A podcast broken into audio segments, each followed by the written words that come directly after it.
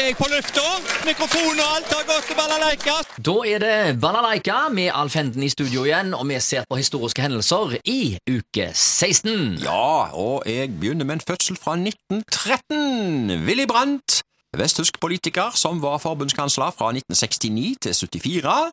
Og i 1971 så mottok han Nobels fredspris, og i 1983 var han 17. mai-taler i Haugesund. Hva tror du var det største øyeblikket for han? Nobels fredspris eller 17. mai-taler Nei, i det må jo selvfølgelig være 17. Ja, det må jo være det. mai-talen i Haugesund. Det sier seg jo I det strålende solskinnet som var her. Ja, det var Ja, nydelig. Det var sommervarmt. Det var 20-25 grader, vil jeg tro. Ja, det var en Jeg husker det veldig godt. Ja. Han gikk jo først i folketoget da, og etterpå så talte han på en folkerik rådhusplass. Eh, Og han snakket, Jeg husker ikke eh, talen der, om han snakket på norsk i den talen, men han snakket jo norsk. Han Ja, var en stund gift med en norsk ei. Ja. Han fikk heldigvis oppleve i 1989 at Berlinmuren falt, for det var jo eh, en stor sak for han. Ja. Willy Brandt, altså, født 1913. 1926, Elisabeth 2. av Storbritannia født. Hun ble dronning allerede i 1952, og kunne nylig feire utrolige 70 år på trona. Såpass, ja. ja. 70 år! Det, Det er fantastisk. Det Det, det må være en altså. slags ny rekord. Det er en rekord. Ja. Den har jo slått eh, dronning Victoria allerede, og Elisabeth den første er vel den eh, som har sittet tre lengst, men du finner ikke noen andre steder i verden heller som har sittet 70 år, altså. Eh, nei, du har jo sittet Ja, eh, ja. snart 80. Ja, ikke sant? Ja, ja, ja. Eh, hen- hendelser internasjonalt. Du, vi skal, vi skal slå mange mange år tilbake i tid her, du, at til og med at Elisabeth den andre husker det ikke. 753 før Kristus. Det er lenge siden det. Ja. Roma ble grunnlagt. ja. Ja, ja, ja. 1985. Bjørn Myhrer Lund og Odd Eliassen blir de første nordmenn til å nå toppen av Mount Everest, eh, som er da ca. 8850 meter over havet. Det første forsøket på å nå toppen var i 1922, og senere har ca. 4800 klart å bestige toppen, og rundt 300 har ikke klart det. Altså, de, dessverre, de omkom. Det var en Mm. farefull ekspedisjon, dette her. ja. Uh, Myhra Lund og Eliassen var altså de første norske, men senere har jo flere nordmenn vært der, eh, deriblant eh, Erling Kagge, men, men han har vel vært overalt der det enten er kaldt eller høyt? Erling Ja, Kagge? det. Ja, jeg føler Han liker å klatre. Ja, ja. Og så går vi til lokale hendelser. Kino i uke 16, 2006 denne gangen, Edda. Filmen Istid 2, animasjon med norsk tale. Sjuårsgrensa lå på den, og Stjernekobbels. Eh, Dagfinn Lyngbø, Otto Jespersen, Sven Nordin og Linn Skåber. Alltid kjendiser som er eh, norske taler på disse animasjonsfilmene. Så gikk filmen Bandidas, en westernkomedie med elleveårsgrense. Salma Hayek og Penelope Cruz i hovedrolla. Ja. Og så gikk filmen Nære og kjære. Det var en romantisk komedie med Meryl Streep og Uma Thurman. Og så tar jeg med en thriller til 15-årsgrensa, Inside Man. Dancel Washington, Judy Foster og Clive Owen i hovedrollene. Og så avslutter jeg med en eh, norske film.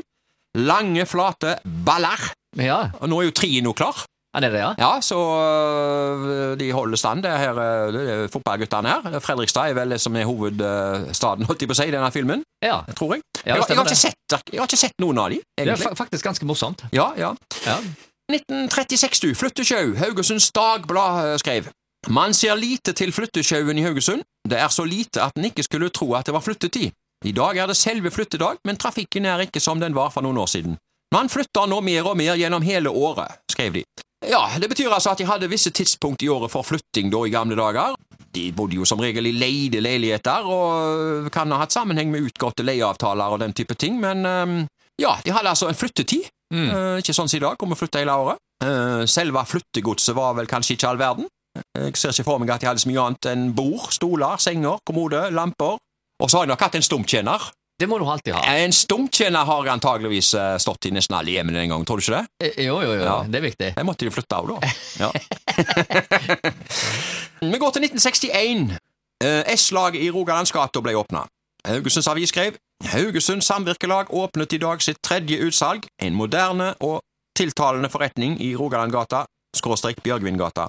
Utsalget ligger i eget bygg, som tar seg flott ut i friske farger. Det er også strategisk plassert i et nytt boligstrøk, hvor mange nye hus er kommet og er under bygging. Ja, altså, jeg har, jeg har litt å si om dette her. Altså, Magna Hammervoll han var nærmest headhunta han til Haugesund for å være bestyrer for S-lagene, og han var forut for sin tid med hensyn til markedsføring. Deriblant konseptet Ta tre, betal for to. Har du latt deg lure av det noen gang?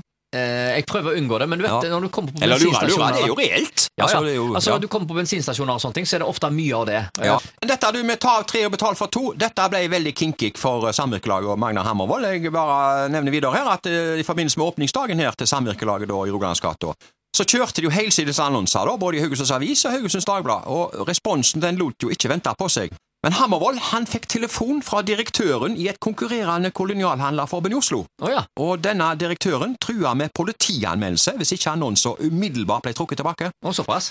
Ja, fordi at eh, fra konkurrenthold her så kom det jo påstand om ulovlig markedsføring, eller medgift som det hette den gangen. Ja. Eh, men Hammervoll han hadde støtte han fra sine sjefer i Oslo, og valgte å ignorere trusselen da fra konkurrenten. Så den annonsen den besto, og det endte jo opp med at to politibetjenter troppa opp i butikken. Det endte med at de kjøpte tre poser kaffe og betalte for to.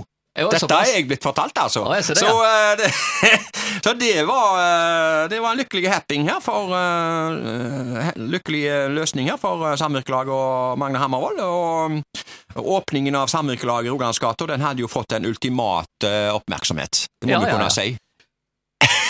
Det er bare én ting å spørre om! Ta to, betal for tre! Ta, ta to, betal for tre, sier jeg! ja, ja. Ja, det er hot!